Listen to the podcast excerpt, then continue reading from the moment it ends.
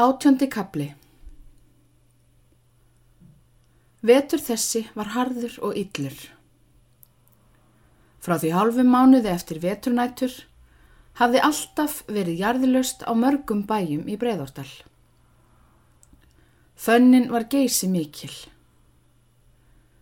Elstu menn þóttust ekki muna jafn mikil jarðbönn og harðindi síðan fellisveturinn mikla. Það sló óhug á marga við þann samanburð, því fjárfellir er voðalega sár, bæði fyrir tilfinning manna og efnalegt sjálfstæði þeirra. Með horfelli lamast sveitin, héradið eða landsfjörðungurinn sem fyrir honum verður. Skortur og sultur, sundrung og trúleysi leggjast yfir mennina og kúa þá niður í moldarreisin. Á fletin gömlu, þar sem feður og forfeður höfðu setið og velt fyrir sér harðendunum. Breytilegri veðráttu, horfelli, hafís og hungursneið. Þar sem kjarkurinn dopnar, örvending og trúleysi á landið, búnaðarháttu, og alla jarðuneska sælu lipnar og nærist. Sundin lokast, allir stígar og götur fyllast af fankingi og hörku gatti. Það sem Íslendingurinn lærir tortrygni. Draumóra um heimsbyggi og trúarmál. Sveimhuga inn í óljóst andans ríki Lærir að þoka úr sessi. Slaka til. Beigja bakið og barma sér.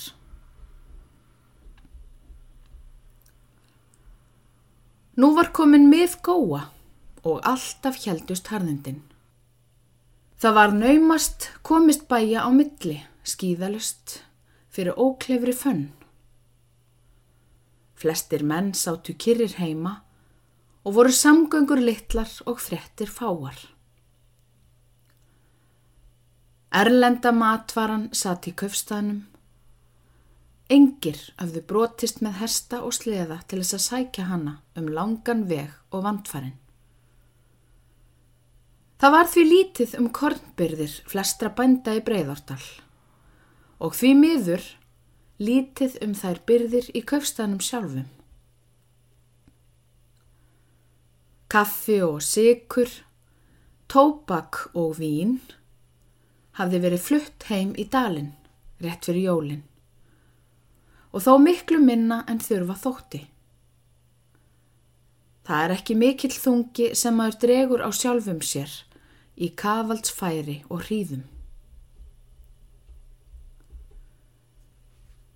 Heit alverja höfðu að vísu verið óvanalega mikil um höstið en nú var svo komið að flestum var farin að miklast vetrarnauðin og heiforði þorra manna lítill orðin. Það horði til fóðurskorts, ef ekki batnaði veður átt að bráðlega. Brandur á Efrafossi hafði margt kvikfje á gjöf og honum þótti hegin hafa gengið fljótt til þurðar hjá vinnumennum sínum. Ef þessi harðindi heldust til sumarmála, sá hann að hegin myndu ekki rökva til að fóður að fjenað sinn. Að honum myndu ekki til setunar bóði lengur. Hann fór því út í dal til að leggja fölur á hei, annarkort til láns eða kaups. Veturinn hafði verið enn snjóþingri í siðri hluta dalsins og menn þar því almennt heitæpari en norðurdælir. Brandur leitaði fyrst til sér í ósteins.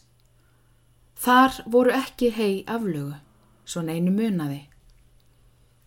En prestur ráðlaði honum að finna þá breyðholtsmenn. Þeir myndu heibirgastir allra norðanmanna. Sveimbjörn hafði rétt nýlega skoðað hei germundar og sagt að þó hann gæfi inni fimm vikur af sumri, þá myndi hann samt ekki þurfa snerta 30 bakka hei sem hann ætti. Og Sigfús stálbyrgur.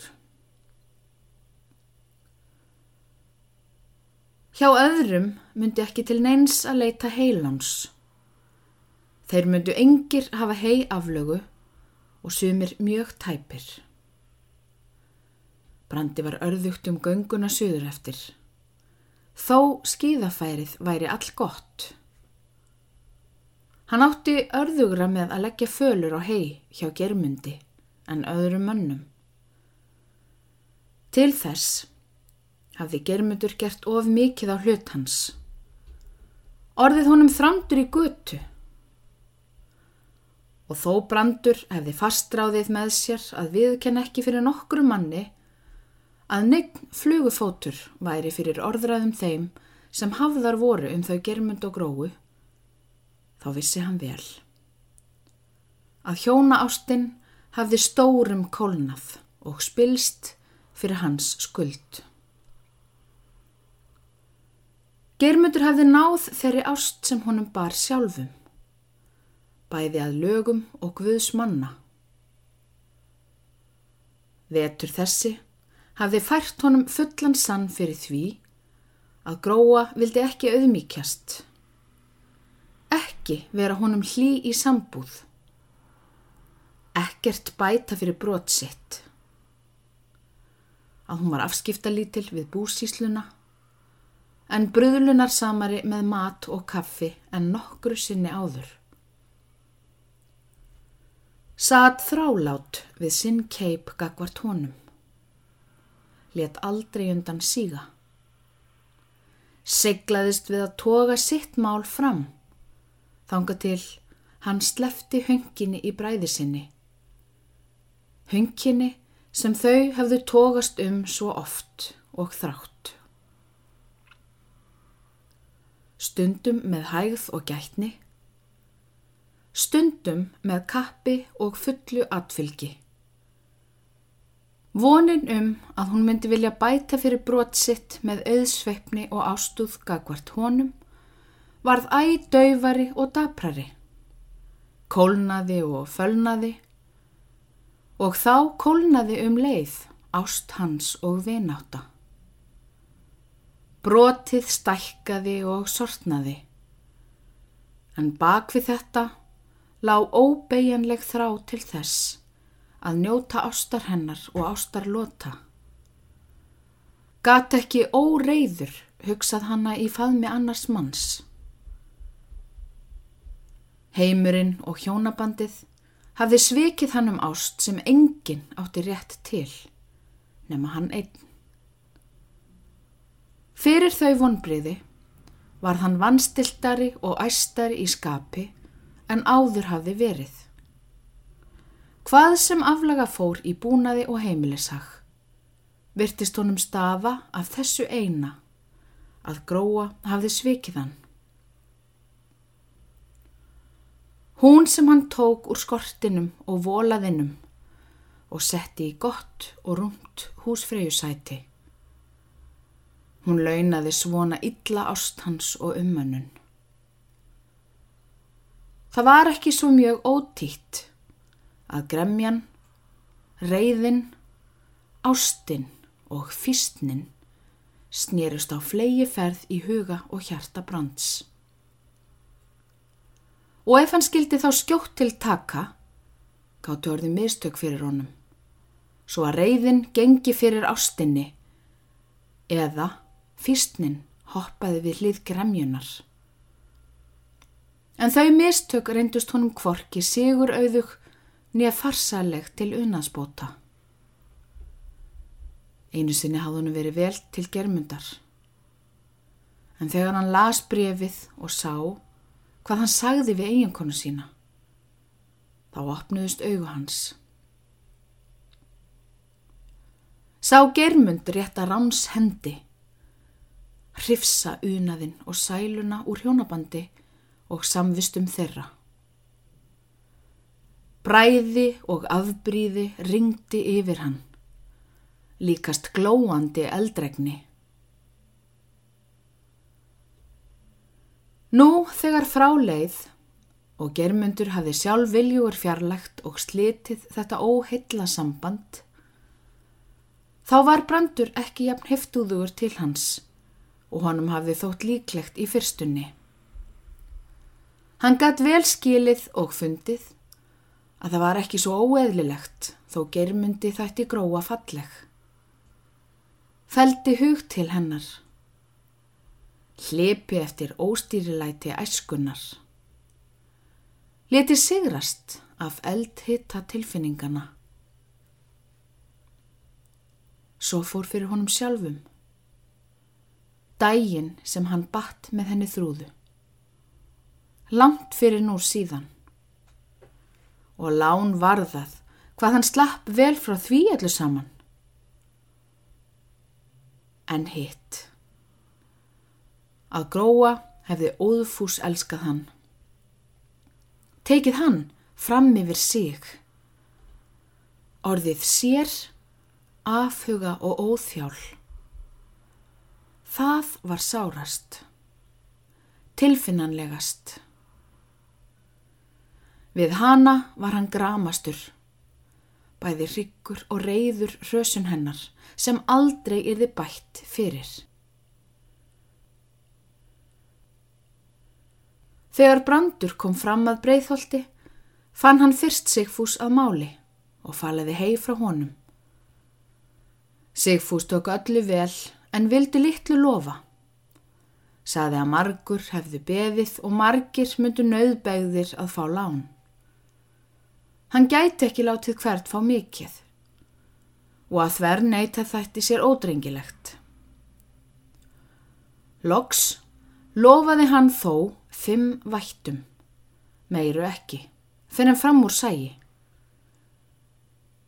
Vísaði til germundar sem bæði ætti hei aflögu og engu myndi hafa lofað ennþá. Brandur hlaut að finna germund. Honu var nauðugur sá einn kosturinn. Hann var í lotnara lægi þegar hann gekk í fjárhúsi til germundar og honum var erfitt að koma orðum að erindinu. Það fann líka germutur fljótt og liðkaði strax úr því. Letti brandi málið. Ég man vel eftir að þú hjálpaður okkur oft um heitöku á vorin. Ég tók eftir því. Þó ég væri ekki gamall að það var æfinlega gott og vel verkað. Sá misjafnara úr öðrum stöðum. Sérstaklega man ég eftir einu áfellisvori. Þá hefðu lömpin drepist undan ánum okkar ef þú hefðir ekki hjálpað. Ég getað öllum líkindum mist eina 25 bakka. Þá máttu fá hvort þú vildur. Þá máttu fá hvort þú vilt heldur til lands eða köps. Já, ekki til í njú til skuldar þó ég hafi einhver tíman látið skroppu í pokað vorlægi. Fadir þinn heitinn tók mér þá vik í staðinn. En mér kemur mæta vel að fá heið. Og ef ég má kjósa, þá óska ég helst að kaupa það. Ég borga á þeirra mjög langt um líður. Þessar ferðir eiga illa við mig. Ég er þeim svo lítið vanur og vildi fegin vera laus við að fara þar margar. Það get ég ofbóð vel skilið og ég þekki þig svo vel að ég veit þér er nærgeði að hjálpa öðrum um tuggu í pókan að byggja þess. Með sjálfum sér hugsaði germundur. Nú er brandur búin að fá fulla vissu. Það er ekki von honum sér ljúft að leita til mín. Hann er þó dáðadrengur í rauninni og ég hef aldrei séð afbrott mitt. Við hann eins glögt og tilfinnanlega og nú. Ég væri verre en hundur ef ég reyndi ekki að greiða úr þessum flóka, eins og ég hef vit og krafta til. Mesti áhyggjusvipurinn kvarf af brandi. Hann varð léttstígari og léttari um mál. fór að skoða fjöð og tala um hvaða væri í ágætu holdi og bræðilegt. Svona þarf að hyrða það og svona á það að líta út. Það er umt að pína umingja skeppnurnar. Það er ekki margt að fóðrum hjá mér og annað hvort væri að ég nefndi ekki að hyrða þólanlega.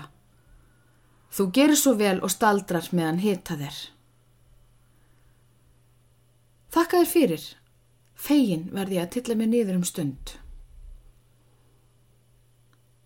Brandur satt stundarkornin í baðstofu á breyðholti, borðaði og drakk kaffi.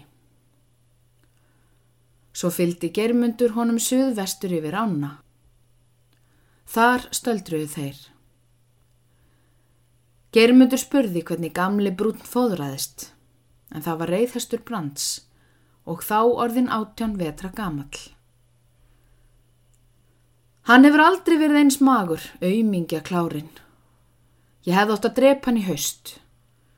Það er skömmað fóðrinu hans setni partin í vetur. Ég skal, ef þú vilt, reyna að lofa honum að hanga með þeim rauða mínum, það sem eftir er vetrarins. Ég hef aldrei borgað það sem þú lánaði mér vestur að vallakirkju hérna um sumarið.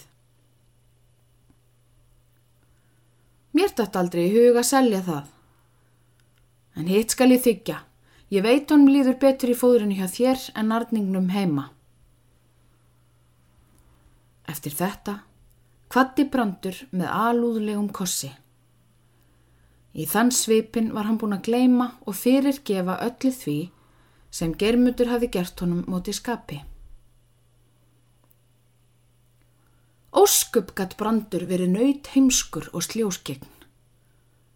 Það var hægðar leikur að vefja honum um fingur sér. Hann gata ekkit séð. Engan grunn fengið og ekki lagt trúnað á sannar sögur. Þvílik fyrir munun sem yfir honum var. Band óður hefði hann orðið ef hann hefði vitað hvernig þau sveiku hann. Auðsið yfir þau skömmum eins og maklegt var. Það var einstæmis hlægilegt þegar germundur fór að lána honum hei og taka af honum klárin. Eitthvað var þann þó að þóknast honum fyrir konuna. Það mátti varla minna vera en að hann fóðraði reyðhestin einn mánadar tíma. Tæplega myndi það ofborgun fyrir allt og allt. Þetta og því líkt hefðu menn sér til dagra styttingar í dalnum. Þegar frettist um erindi og erindis lok þau er brandur hafði fengið í breyðholti.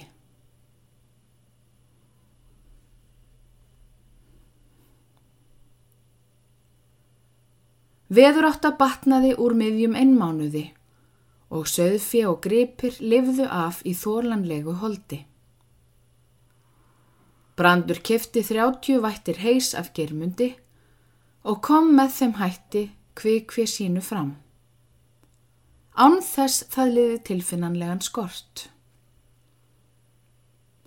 Gróa lagði fátt til þeirra viðskipta. Henni var sárt í geði til germundar sem hafi slítið sig alveg tilfinningar löst burtu frá henni, til þess að draga sig eftir þurriði. Komast í daður við hana. Hann forðaðist eins og heitan eldin að koma fram eftir. Eins og að brenna sig á glóandi hjárni, að hún fengi færi á að tala innmæli við hann. Hún var bláasta alvara. Það mátt alveg gangu skugga um það.